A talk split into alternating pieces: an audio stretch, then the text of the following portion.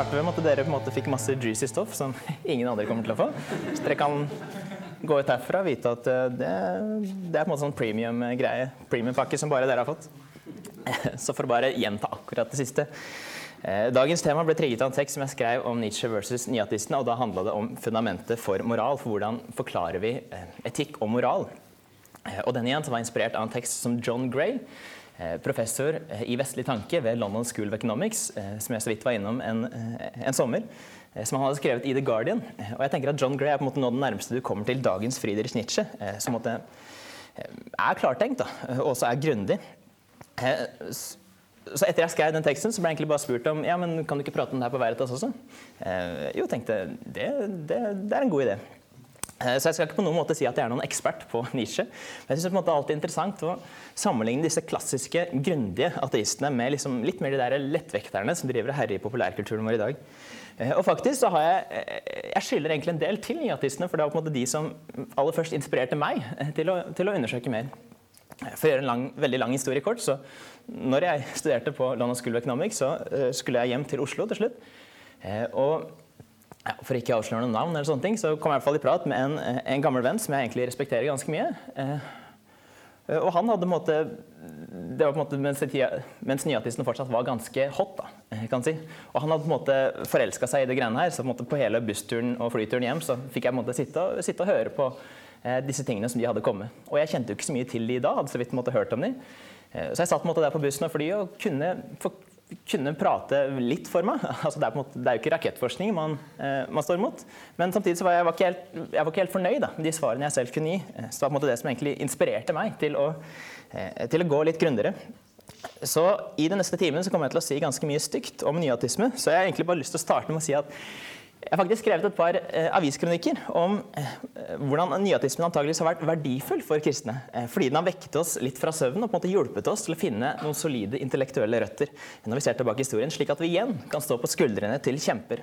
Eh, ting vi nesten hadde glemt. Så jeg tror på en måte summa summarum at nyatismen kan ha en positiv effekt for kristne. Ikke fordi kritikken var spesielt god, men fordi den er så aggressiv. At den fungerte som en slags sånn wake-up call. Eh, at vi må begynne å forsvare oss igjen. Eh, ja, så Før vi går til nyateisme, så kan vi egentlig starte da å prate om hva er ateisme. Eh, hva er egentlig det? Eh, ordet ateisme stammer egentlig fra en slags sånn nekting av det greske ordet theos. Eh, så mange av dere vet at det, det betyr Gud. Så en måte a-theos betyr bare da ingen Gud. Eh, på Jesu tid så ble ordet ateist egentlig bare brukt av en person som nektet å tilbe denne etablerte pantheonet, denne etablerte familien med guder. Eh, og Derfor så ble også de første kristne eh, kalt for ateister fordi de nektet å gjøre det. Ja, eh, Ateisme slik det brukes i dag, har på en måte gjerne to, eh, to, betydninger. Først så har vi en slags sånn svak eller myk ateisme, som er en slags sånn simpel benektelse av troen på en gud. Deretter så har vi sterk eller hard ateisme, som er en påstand i forstand at det, det sannsynligvis ikke eksisterer noen grunn. Så først, eh, De første er egentlig nesten det samme som agnostisisme. Du er bare en agnostiker. Men sistnevnte de, de, sier på en måte at, eller de påstår gjerne å ha reelle grunner for å påstå at det sannsynligvis ikke eksisterer en gud, eller, eller flere guder. Eh, og ateisme igjen kan veldig grovt eh, gjør det ikke helt rettferdig nå, men vi har litt dårlig tid, eh, grovt sett karakteriseres i to filosofiske alternativer. Nummer én er filosofisk materialisme, som kan egentlig beskrives som troen på at materie, fysisk materie er på en måte alt som eksisterer, og alt som eksisterer er på en måte ulike konfigurasjoner da, av fysisk materie som kommer sammen. Eller nummer to, som er naturalisme. Naturalisme er på en måte litt sånn, litt sånn breiere, det tillater litt mer. Eh, men fremdeles så holder man til at naturen i en slags bred forstand eksisterer alene aleine som et lukket system eh, uten påvirkning utenfra. Så naturen er på en måte all there ever was, kan vi si. Men ateisme er jo på, det er jo ikke, det er på ingen måte nytt, men det kan traces ganske langt tilbake i historien. Eller hvis du, måte, hvis du, ser på de første ateistene fra, fra førsokratene, så er de kanskje ikke ateister slik som vi bruker ordet i dag. Eh, men de, de er på en måte i hvert fall ateister i den forstand at de, de ser ikke noen grunn til å snakke om gudene eller henvise til gudene. Eh, så de aller første er jo at, eh, atomister som Demokrit og Lakippos, som holder til på en måte at den fundamentale virkeligheten består bare av to ting. Eh, den består av atomer og the void, altså et slags sånn vakuum. Du har på en måte atomer, og så har du et vakuum, og det er på en måte alt som utgjør alle de tingene vi ser eh, omkring oss. Til personer senere som Epikur eller Lucretius, som måtte viderefører denne filosofiske materialismen, denne tanken om tomrom. Og ikke minst stiller veldig mange spørsmål til den gudeverden som miljøet rundt de, menneskene rundt de, holder til. Ja, så det var litt historie. Men hva er da niatisme? Hva, det, hva, i alle dager er det da som er nytt med det greiene her? Ja, fint bilde, ikke sant? Eh, tok og stjal det fra en eller annen vis. Burde sikkert stått med copyright, eller sånne ting, men de kommer aldri til å finne ut det uansett. Konseptet om nyatisme er en slags sånn samlebetegnelse eh, gitt av Wired Magazine i 2006, som egentlig karakteriserte den religionskritikken som dukket opp etter 9-11. For etter det så var på en måte tiden da det gikk opp for vestlige intellektuelle at eh, eh man kunne ikke bare la religiøse være i fred i den sekulære Vesten, men de måtte, aktivt angripes for deres utdaterte tankegods. Ordet nyatisme viste spesielt til de fire hestemennene med deres eh, akkompagnerte bøker. Altså Britene Richard Dawkins med The God Illusion, eh, Christopher Hitchens med Why God Is Not Great, og amerikanerne Sam Harris med The End of Faith eh, og Daniel Dennett med Breaking the Spell. Og dette utgjorde på visstnok det hotteste i popatisme siden Bertrand Russell i forrige århundre. Og siden, etter det så har det måttet komme til noen nye forfattere som man grovt sett kan si er litt i sånn samme miljøet. Eh, personer som AC Grayling, eh, Lawrence Krauss, eh, Jerry Coyne eller Peter Bogosian eller andre. Så hva er nytt med nyatismen? Det er, måte, det er egentlig ikke godt å si. Det er ingenting de sier som ikke har vært sagt før. Men det nye virker til å være at kompetanse egentlig ikke er så viktig lenger, og at man ikke trenger å drive research for å skrive bøker, og at det egentlig holder med noen kjappe slagord for å felle den største intellektuelle tradisjonen i menneskehetens historie.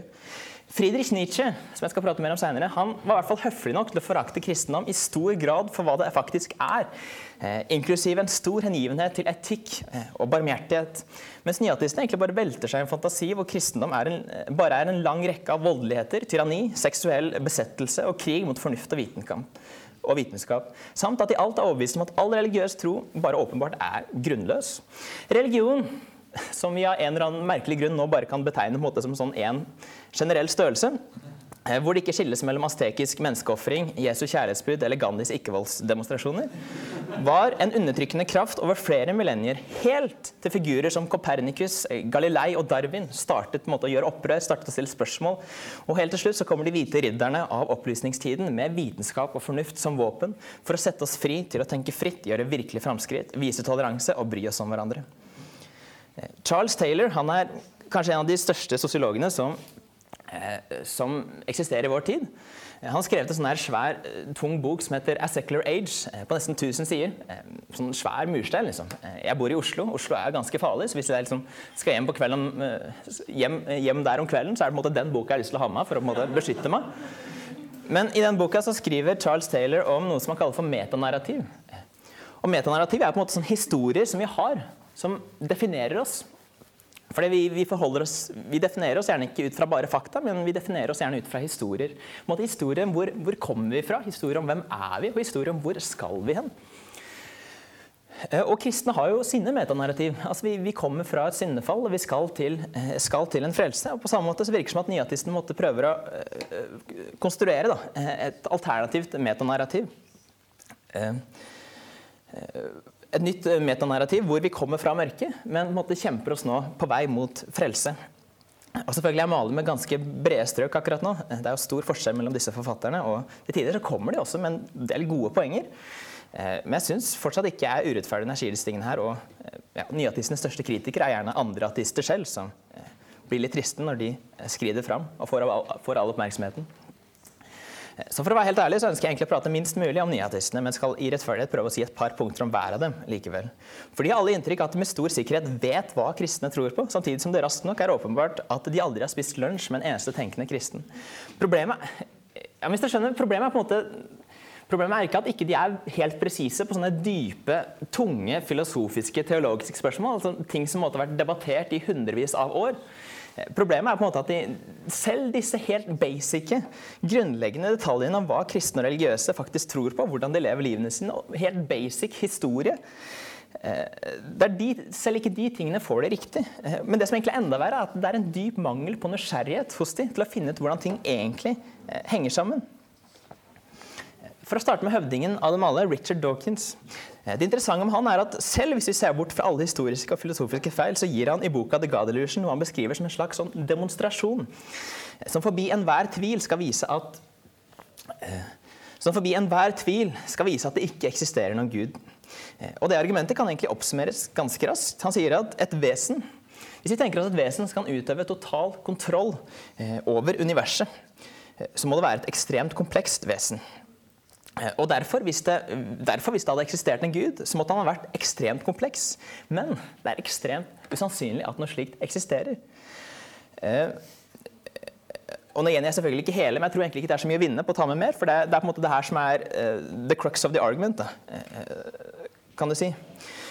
Og på en filosofisk bakgrunn så er bortimot nesten alle ordene han bruker, på en måte høyst problematiske. Altså, vi snakker om hva, hva er egentlig kompleksitet. Eh, så siden dette ikke er en filosofisk eh, time, så skal jeg ikke gå i detalj på nettopp det her, men jeg kan egentlig bare raskt peke på en, eh, på en annen og mye mer reflektert ateist som jeg har veldig stor respekt for. Han heter Erik Wielenberg. Han skrev for ikke så lenge siden en artikkel i et peer-reviewed filosofisk tidsskrift om hvordan Dawkins argument er rettet mot et gudskonsept som ikke har noen relevans for verken jødedom, kristendom eller islam i det hele tatt. Men det eneste den klarer å angripe, er en gud som er både fysisk og begrenset av ytre omstendigheter. Altså, den snakker på en måte om Gud som er en slags sånn objekt da, i naturen, kontra det som både jøder, kristne og muslimer tror på at Gud måte, ikke er en, er en, ting som kan lokaliseres et eller annet sted inni naturen. En slags sånn supermann som flyr rundt og Eh, skape planeter og sånne ting. Eh, jeg har faktisk møtt mennesker som tror at det er det vi tror på når vi tror på Gud. Eh, men at det er noe som heller ligger til grunn for hele tilværelsen, som ligger til grunn for all eksistens, som er, ligger under hele skapverket og holder det oppe, da, kan du si. Jeg har også hørt om andre ateistiske professorer som har presentert argumentet i deres første time. måtte bare som en slags øvelse da, for studentene sine som det verste religionsfilosofiske argumentet som noensinne har vært gitt. Eh, og Dawkins skal også ha kred for at han nesten er den eneste som forsøker å ta på noen av de mest sofistikerte argumentene for Guds eksistens, som stort sett bare blir ignorert av de andre. Som f.eks. Anselms eh, ontologiske argument, eller eh, Akinas fem veier. Akinas fem veier, som er min favoritt, som jeg liker å forsvare. Men problemet er at han misrepresenterer de på en måte som ville fått en førsteårs filosofistudent til å stryke på eksamen.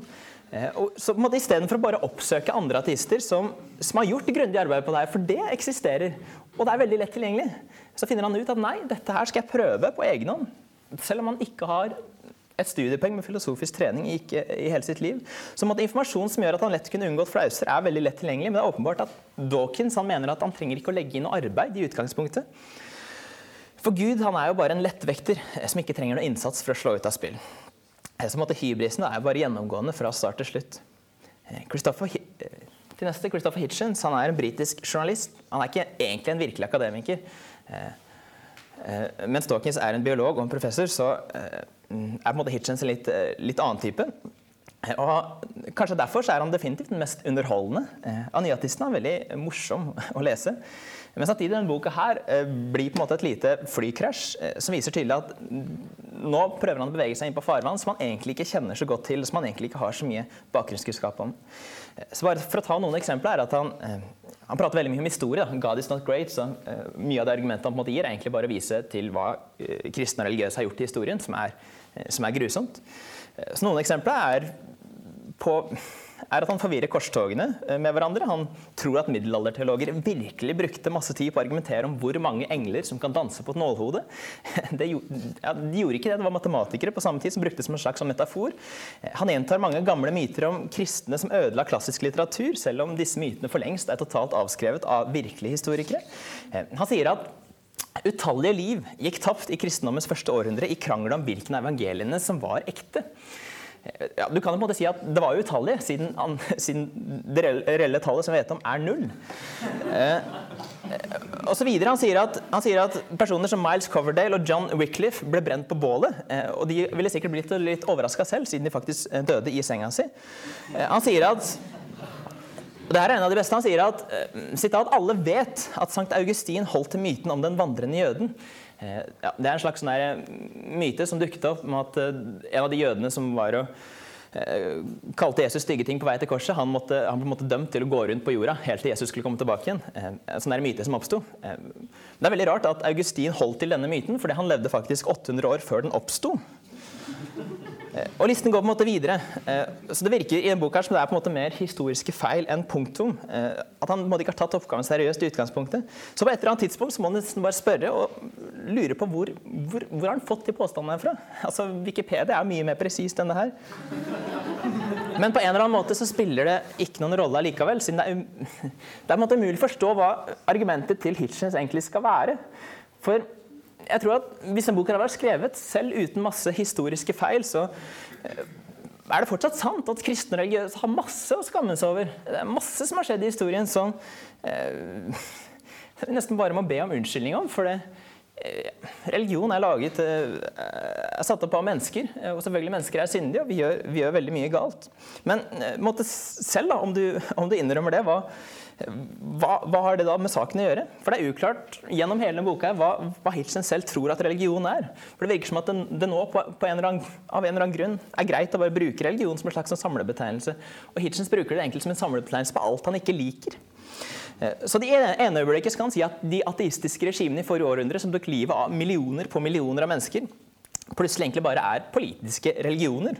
Eh, og I det neste snakker han om hvordan bruder i India blir brent levende fordi de ikke har nok medgift. Og det, og, det, og det, stemmer faktisk, eh, men problemet er at det er en kulturell praksis. Det har ingenting med religion å gjøre. Så alt som er fælt, da, alt som er grusomt med, med historien og med menneskeheten, blir på en måte bare kasta ned kasta med og skyldt på religion, mens eh, alt, alle de positive tingene som selv religiøse har gjort, eh, plutselig bare egentlig er vanlig menneskelig anstendighet. Eh, så måte, hele argumentet er sånn her Kron, jeg vinner. Mynt, du taper. Så jeg, måtte, jeg misunner Hitchens, for det må, være, det må være veldig lett å skrive en bok på den måten. Daniel Dennett, nummer tre, er den eneste virkelig utdanna filosofen blant disse fire. Eller Harris har en bachelor, men Dennett er på en måte en utdanna filosof. Det er det han gjør på fulltid. Og Hans store bidrag til, eh, til disse hestemennene er en bok som heter 'Breaking the Spell'. og Her forsøker han å vise at religion egentlig bare er noe som er helt naturlig. Eh, så boka er vel egentlig bare en framføring av masse antakelser som Dennett har, Altså man bruker i en slags sånn input en, for å lage en slags sånn pseudovitenskapelig metode. Eh, kanskje for at det skal gi på en, måte en form for autoritet til argumentet hans. hva vet vi For han måtte bare lese egentlig de samme antakelsene ut igjen på andre sida, mens de på en måte har gått igjen dette vitenskapelige, eller vitenskapelige filteret. Men det mer problematiske, og det som egentlig er ganske ironisk, er at Dennett han bruker mange hundre sider på å skrive noe som, eh, som han egentlig bare ville fått bekreftet eh, dersom han hadde prata med en helt vanlig lærd prest eller en rabbi eller en imam. Nemlig at menneskets lengsel for Gud er fullstendig naturlig, samt at religion er menneskeskapt. Hva er egentlig alternativet? Eh, hva er egentlig dette her ment å vise, utover bare kunnskap som gudstroende tenker allerede holdt til i tusenvis av år? Eh, hvorfor tenkte denne at det var greit å ikke lese en historiebok før han skrev sin egen bok? Det, det hele blir på en måte litt irrelevant. Og Sam Harris til slutt. Den nåværende neurovitenskapsmannen Sam Harris eh, han hadde vel så vidt skrevet ferdig en bachelorgrad han på en eller annen merkelig måte klarte å henge, henge den boka her på de tre andre og blei berømt med The End of Faith. Eh, som egentlig mest av alt bare er en lang, sånn pompøs, moralistisk fordømmelse av religiøse og alt religiøse har gjort. Eh, og det, det, det kunne på en måte egentlig vært greit hvis argumentet var, hvis argumentet var godt, hvis argumentet var legitimt. For det virker som at Sam Harris' hovedpoeng er, er igjen noe slik som at hvert eneste tilfelle av vold, vold, vold, og urettferdighet i religiøs og kristen historie er en slags sånn direkte følge av kristendommens innhold. Mens kristendommens overlegne moralske triumfer over de siste 2000 år, som å ta vare på enker, eh, foreldreløse hittebarn, bygge fattighus, syke, bygge sykehus, skoler, universiteter, eh, ha suppekjøkken, hospits, rushjelp, legemisjonærer, hjelpeorganisasjoner, drive bistand. Eh, på sin side, Det er bare et bevis på den iboende godheten til mennesket, som fullstendig kan frikobles til deres kristne overbevisning. Og på en eller annen måte så blir på en måte alt snudd tvert om når vi plutselig snakker om buddhisme, som, som Harris er veldig glad i. Og som i Harris sin egen konstruksjon plutselig blir forenlig med alt det som ateisme, nevrovitenskap og reduksjonisme har å fortelle oss. Eh, men jeg tror at Harrys versjon av buddhisme, hvis han hadde sagt den til en, en, Dalai Lama eller noen ekte buddhistiske tenkere, så tror jeg ikke de ville blitt så veldig imponert. Eh, så det virker som, som hele prosjektet nesten bare er en slags parodi. Jeg ser at du prøver å oversette. Hvis du klarer å oversette her, så er jeg veldig imponert. Du skal få en applaus etterpå. Eh, ja. Så jeg tenker at Mye av det disse her skriver, det, det, er selvfølgelig sant. Det er sant at religion dreper. Eh, og Noen farger er på en måte røde, eh, men det å slå fast det er på en måte bare like trivielt og like sant som å si at politikk dreper. Fordi religion eller politikk i seg selv er bare sånn abstrakte begreper som rommer et hav av mangfold. Og Det er like lite en nødvendig sammenheng mellom religion og vold som det er mellom farge og rødhet. Og ingen, ingen av oss blir klokere at vi ofrer alle nyanser på fundamentalismens alter. For naturligvis, I neste øyeblikk så er jo de samme nynazister uten å påpeke at blodbadet i forrige århundre tok flere liv enn noensinne tidligere i historien, som Joe Vitale også prata litt om, fra fullstendig sekulære ateistiske regimer eh, ikke har noen nødvendig forbindelse til ateisme som system, eller i hvert fall et virkelighetsbilde av filosofisk materialisme, som egentlig bare er en slags sånn oppdatert atomisme fra disse gamle atomistene som jeg pratet om i stad, hvor fysisk materie er alt som eksisterer, og som på mystisk vis kan kombinere seg i ulike sammensetninger. Så eh, Filosofen eh, David Bentley Hart, som er en av mine favoritter, han oppsummerer måte, hele den nyatistiske kritikken. At når, når du måtte viske vekk all arrogansen og all, hele markedsføringsapparatet, så, du, så står du måte, igjen med fem konkrete punkter. Da. Så I første punktet i historien all religion, og spesielt kristendom, har det vært så mye barbarisme, overtro, ondskap og intoleranse at bare ved å se på dette alene, så kan vi ikke tildele religion med noen moralsk eller åndelig eh, sannhet. Eh, og der kunne det kanskje vært, vært interessant. det. Eh, problemet er på en måte at forfatterne ikke har den mest grunnleggende historiske kunnskapen til å fremme det argumentet her på en overbevisende måte.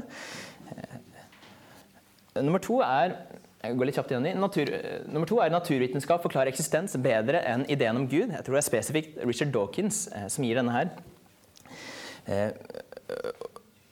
ja, så Naturvitenskap forklarer eksistens bedre enn ideen om Gud. Men det her er jo bare én lang eh, kategorifeil. egentlig. Eh, for Hvordan i alle dager skal naturvitenskap forklare eksistens? Det er ganske åpenbart at eksistens er på en måte noe som kommer forut framfor all natur. Så alt naturvitenskapen kan gjøre, er en bare hvordan én tilstand av eksistens blir til en annen tilstand av eksistens. F.eks. hva som skjer fra Big Bang fram til nå. Hvordan, eh, hvordan, ja, hvordan hvordan eh, universets tilstand i et tidspunkt forandrer seg og blir til, et, eh, blir til, en annen tilstand i et annet tidspunkt. Eh, men det, det kan ikke forklare eksistens overhodet, for det er på en måte noe som går forut for alt det naturvitenskap kan uttale seg om. Og det, det, tenker jeg er en fin ting. Det er ikke å snakke ned naturvitenskap, men det er å være litt realistisk. Nummer tre er at det er ingen empirisk evidens for Guds eksistens. Her tenker jeg at det, det er to kategorifeiler, egentlig. Den første kategorifeilen er selvfølgelig hva, hva er Gud? Og, den andre er på spørsmålet om hva, hvilken evidens vil vi egentlig forvente skulle følge fra det. Eh, for som sagt, eh, Vi tenker jo ikke på Gud som at han er en sånn superhelt eh, som gjemmer seg bak månen eller som driver og flyr rundt i universet. Han er ikke én objekt ved siden av andre tingene i naturen.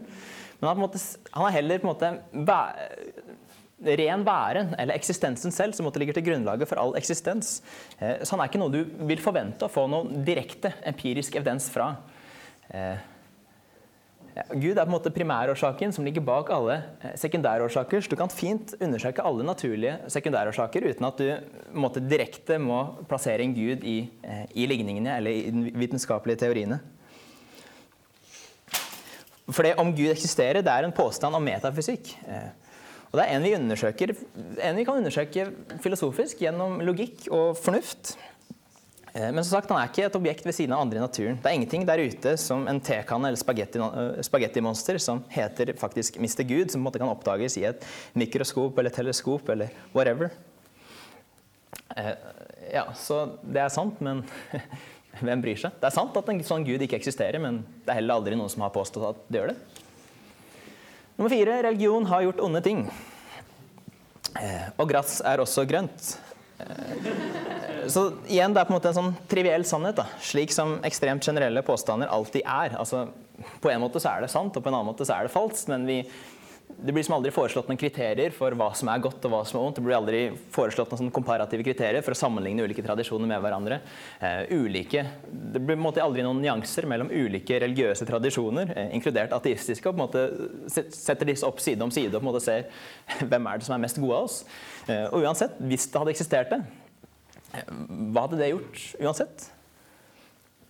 For å vise at det antageligvis ikke eksisterer en gud. Og nummer fem alle tradisjonelle filosofiske argumenter for Guds eksistens feiler. Og det her hadde vært eh, På en måte så er ikke det her så viktig, for folk flest tror ikke på Gud pga. at de på en måte får demonstrert rasjonelt gjennom logiske argumenter hvorfor Gud må eksistere, men vi kommer til å tro på Gud av helt andre grunner.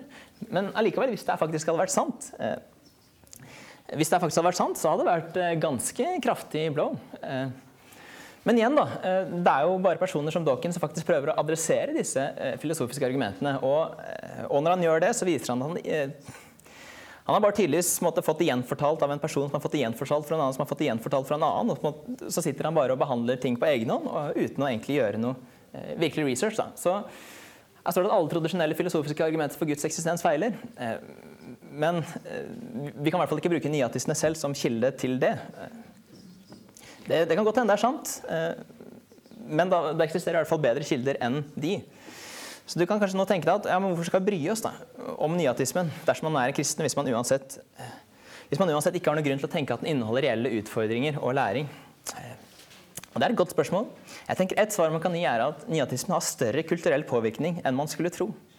Og det er veldig viktig, jeg tror på en måte at det er veldig viktig å ha kunnskap om nyatisme for å forstå litt av det religiøse ateistiske landskapet vi navigerer oss i fra dag til dag. For Her om dagen så forsøkte jeg å se en BBC-dokumentar om ateisme.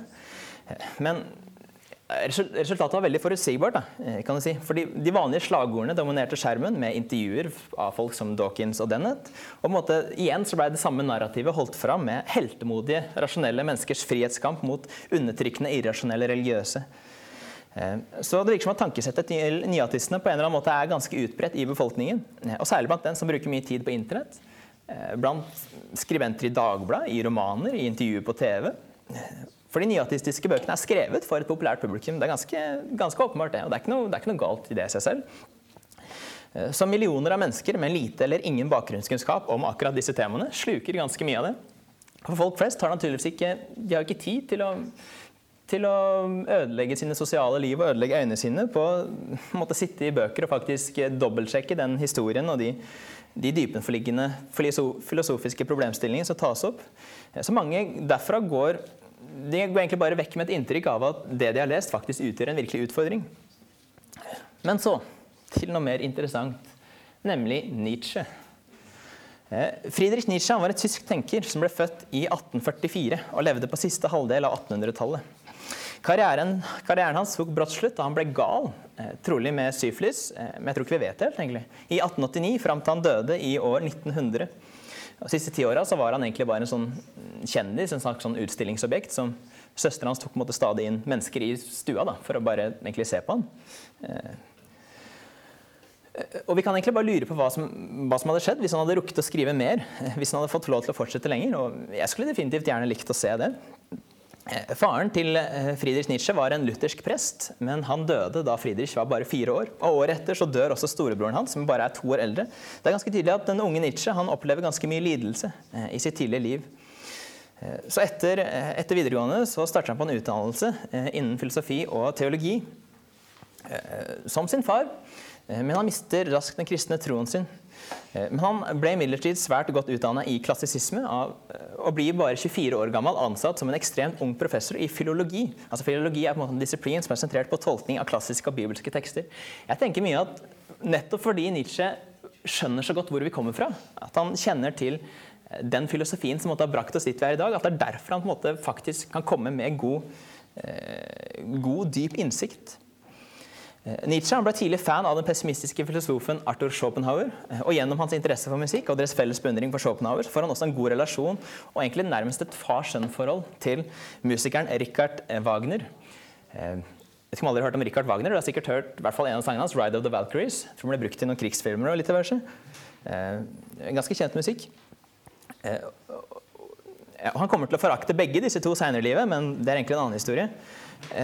For det er tydelig fra tidlig alder at Nietzsche han beundrer kunsten, og særlig den antikke greske tragedien, altså den antikke greske tragedien fra Homer og andre, hvor, hvor det er tydelig at menneskets skjebne er på en måte bare fastlagt. De er nesten som marionetter for dette store mylderet av guder som bare eh, driver og styrer de og setter de på prøve og sender de fram og tilbake.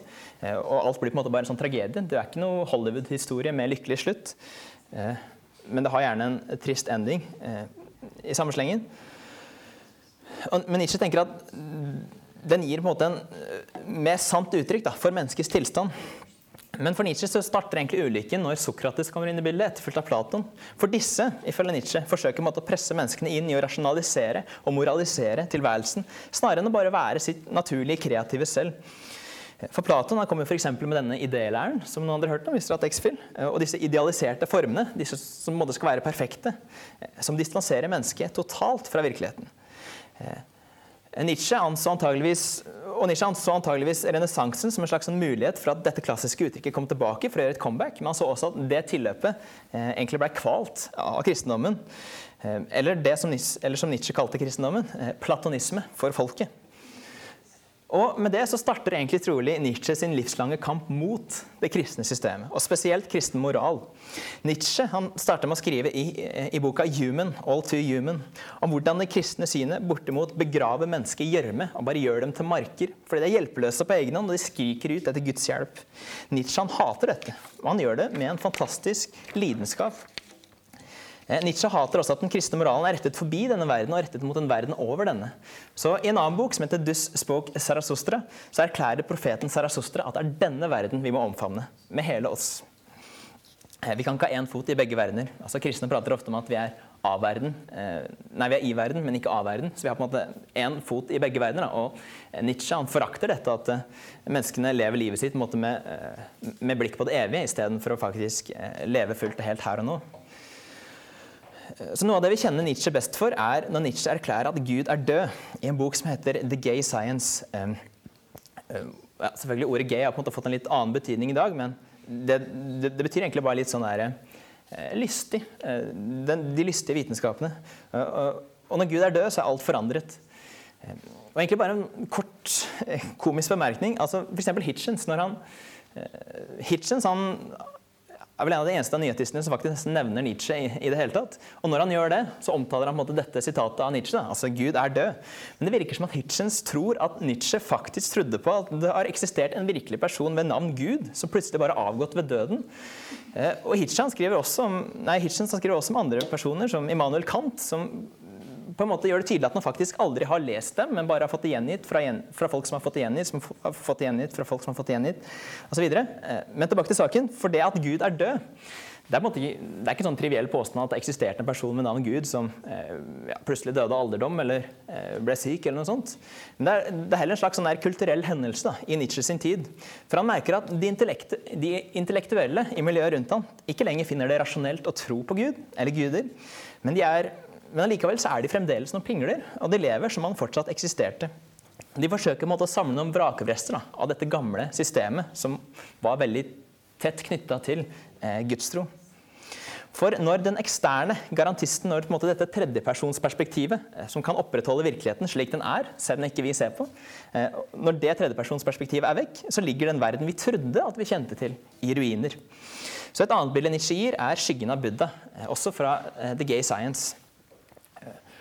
Her skriver han Once the Buddha was dead, people displayed his shadow for centuries afterwards in a cave, an immense and dreadful shadow. God is dead, but as the human race is constituted, there will perhaps be caves for millennia yet where people will display his shadow. And we, we have yet to overcome his shadow. Så denne gamle myten som sier at etter Buddha døde, så kunne fortsatt se skyggene hans på huleveggen i århundrer etterpå. Eh, så også etter at Gud er død, eh, så henger skyggen til Gud over folket.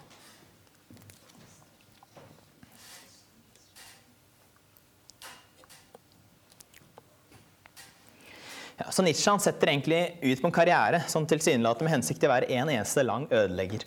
Han ønsker å rive ned etablerte forestillinger, men det hva Nietzsche selv ønsker å bygge opp, er egentlig vanskeligere å ta tak i, eh, selv for personer som studerer Nietzsche på fulltid. For han, han er mer sånn kunstnerisk filosof-poet, og ikke en helt sånn vanlig filosof, slik som vi gjerne tenker oss filosofer. For måte, Etter at han har revet ned alt, så prøver han nesten ikke å bygge opp et nytt systematisk grunnlag for hvordan vi bør tenke. Og Kanskje er det nettopp fordi det er muligheten for dette som Nietzsche ønsker å kritisere. Altså, filosof, filosofien hans er veldig sånn individualistisk.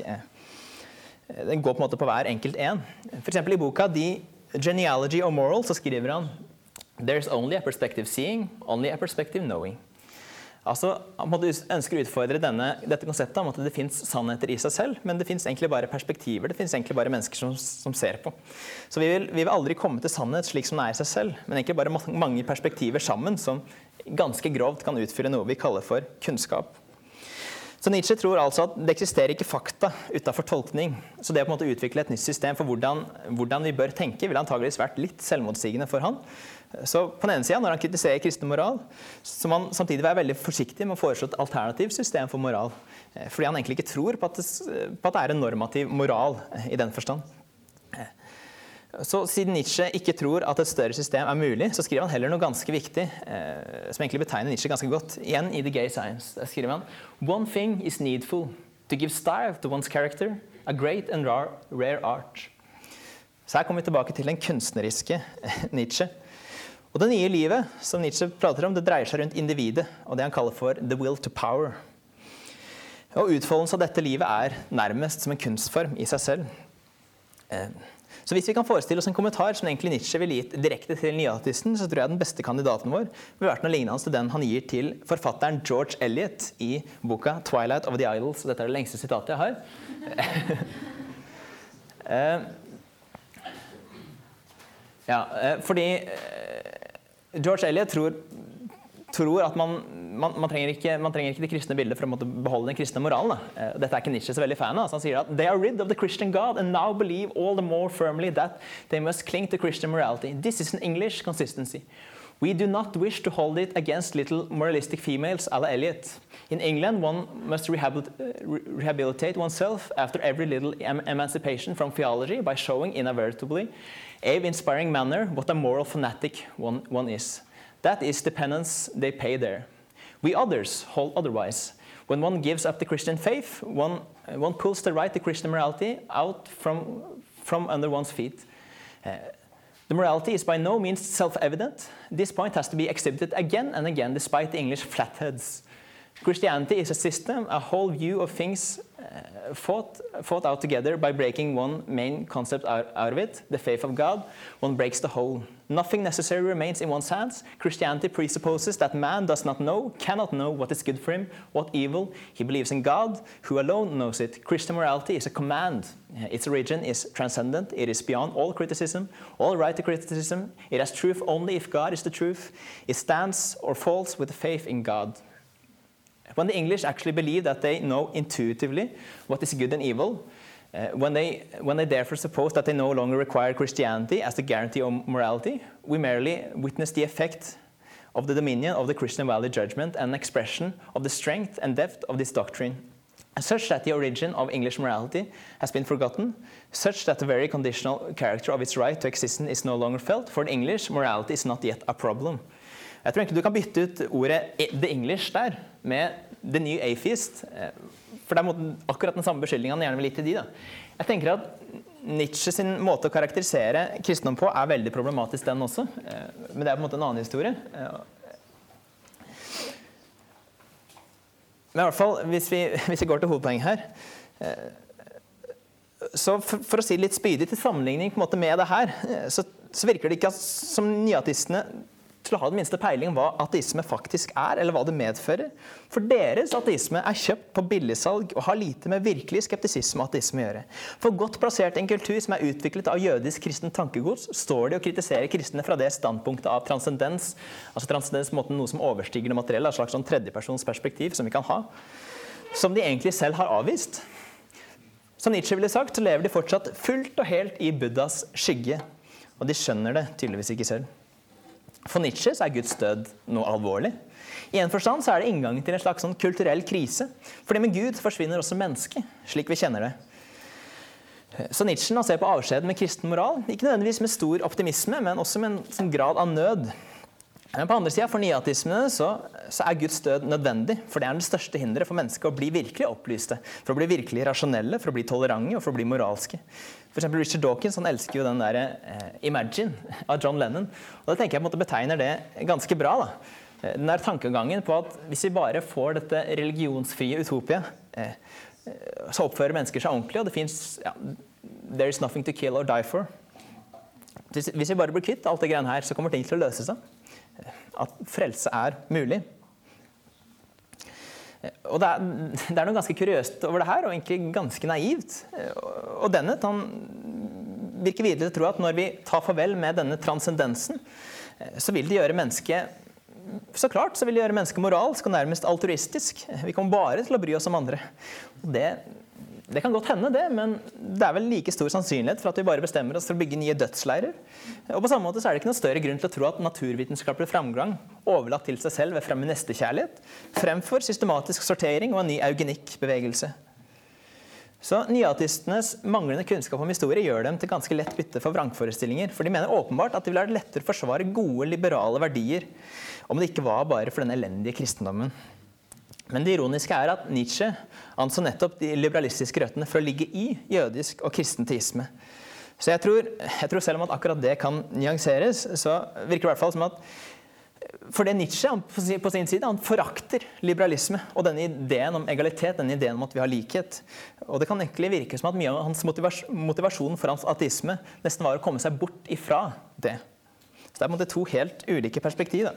Så Det forfriskende med Nietzsche er at han forstår alvoret på en helt annen måte.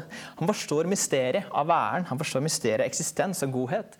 Og Han forstår også at deler av et tankesystem henger sammen med helheten av det, og at ideer har konsekvenser.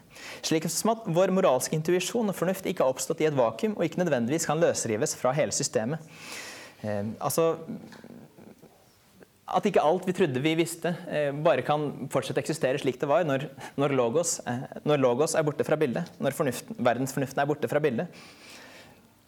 Så Nietzsche, ulik nyatistene, forstår at hvorvidt vi velger gudstro eller ikke, ikke er en sånn triviell preferansesak hvor vi bare kan velge vår egen konsumvare, som vi kan inkludere i den totale pakken kalt vårt liv. Og som forhåpentligvis kan løfte kvaliteten ja, enda litt høyere, da. På samme måte som yoga kan. Eh, Nietzsche forstår at det er ikke som å velge om man skal ha, måte, ha Manchester United eller Liverpool som favorittlag, altså selv om det kan være dramatisk nok. Men det er på en måte heller selve fotballspillet eh, som står under gransking. Og Hvis de første premissene for hvordan spillet er, endres, så må vi også begynne å undersøke på nytt hvorfor de påfølgende spillereglene er som de er. Det er ikke en selvfølge.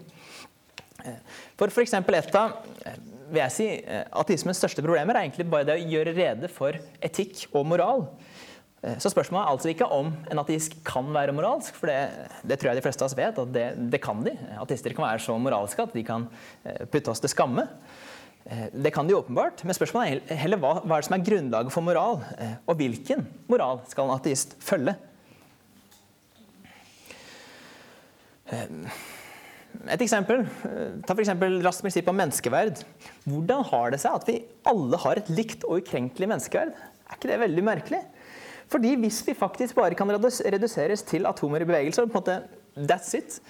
Eh, eller som Dawkins sier, at vi er et univers av blinde krefter som er uten hensikt og mening, men med blind, men med blind nådeløs likegyldighet.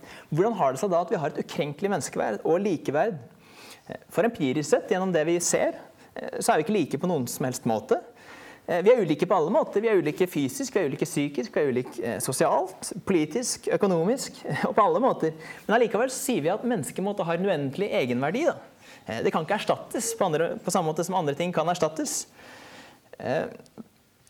Ikke fordi vi skal brukes til å oppnå noe annet, men faktisk bare i oss selv. Så har mennesket verdi.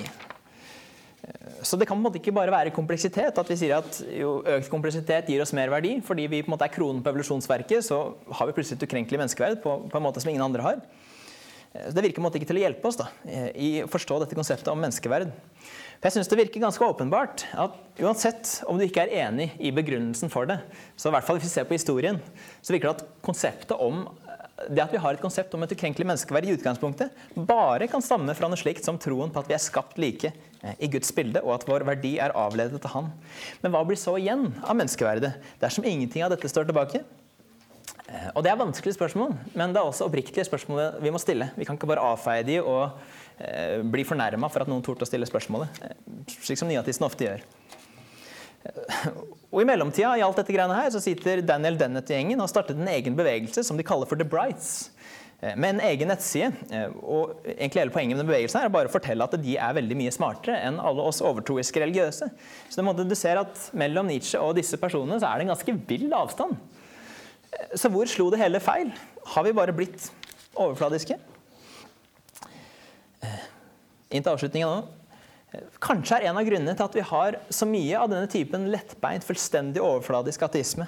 Nettopp at denne utviklingsoptimismen som de hadde i slutten av 1800-tallet, ble knust.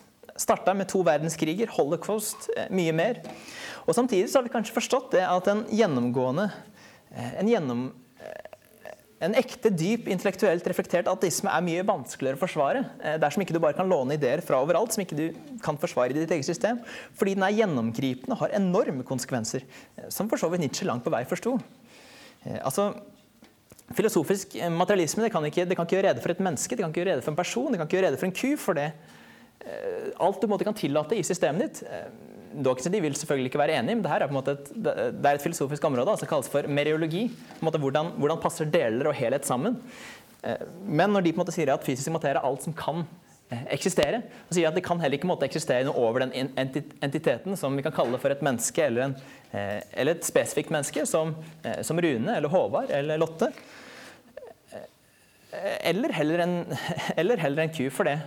Altså Disse fundamentalpartiklene som vi vet om, de de er på en måte akkurat like, da. Eh, men allikevel så utgjør de vidt forskjellige ting. De utgjør kuer, de utgjør, eh, de utgjør mobiltelefoner, de utgjør mennesker osv. Hvis ikke vi kan tillate måte, at det eksisterer noe på et høyere nivå, måtte egentlig samler all denne grunnmaterien under seg.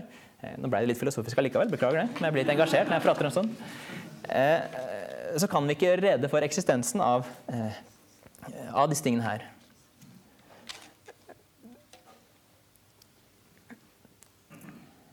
Og det er, måte, det er, jo derfor Platon og Aristoteles kommer med denne formlæren og alt sånne ting. Eh, som jeg for så vidt er eh, veldig fan av, men vi forstår i hvert fall at de, de, gjorde ikke det helt uten grunn. Det var ikke bare noe som vi kan kvitte oss med uten at det får konsekvenser. Eh, så ja, kristendom som platonisme for folket, det går fint, det.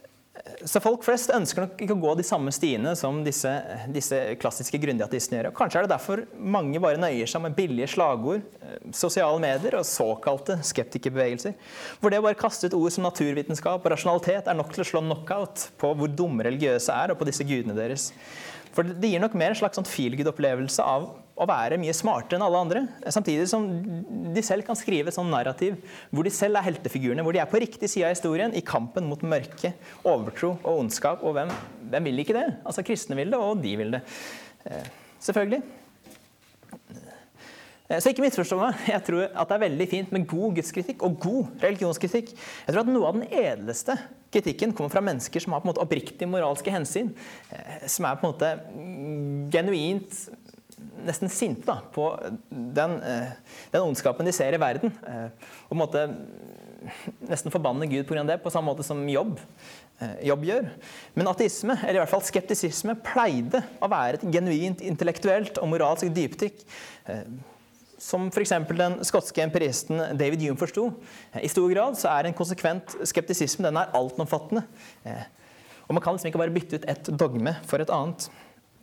For jeg tror at En redelig intellektuell framgangsmåte er å, oppsøke beste kritikk av ens eget standpunkt og prøve å forstå hva meningsmotstandere faktisk selv prøver å si fra deres eget perspektiv.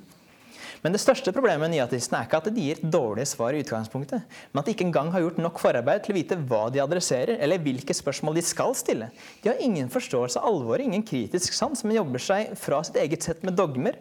Belteklare dogmer bygget på sandgrunn. Så det hele mener jeg ender opp med at imens vi har ganske mye god innsikt å få fra personer som Nietzsche eller Wielenberg i dag, for så vidt, så forblir nyatistene eh, fullstendig irrelevante. Eh, så det var slutten. Jeg pleier på en måte å inkludere det bildet der for å eh, være sikker på at dere kommer dere kjapt ut, slik at nestemann kan komme inn. Og for å være sikker på at jeg får spist ferdig lunsjen min. Men i hvert fall, hvis dere er mer interessert i det her, så eksisterer det også mer på bloggen. som sagt. Så helt til slutt så vil jeg egentlig bare si at jeg er imponert over at alle har klart på en måte å følge med Eh, tilsynelatende, jeg ser i hvert fall ingen som sover, eh, helt til nå, på et ganske eh, tungt, tungt tema. Så tusen takk for meg.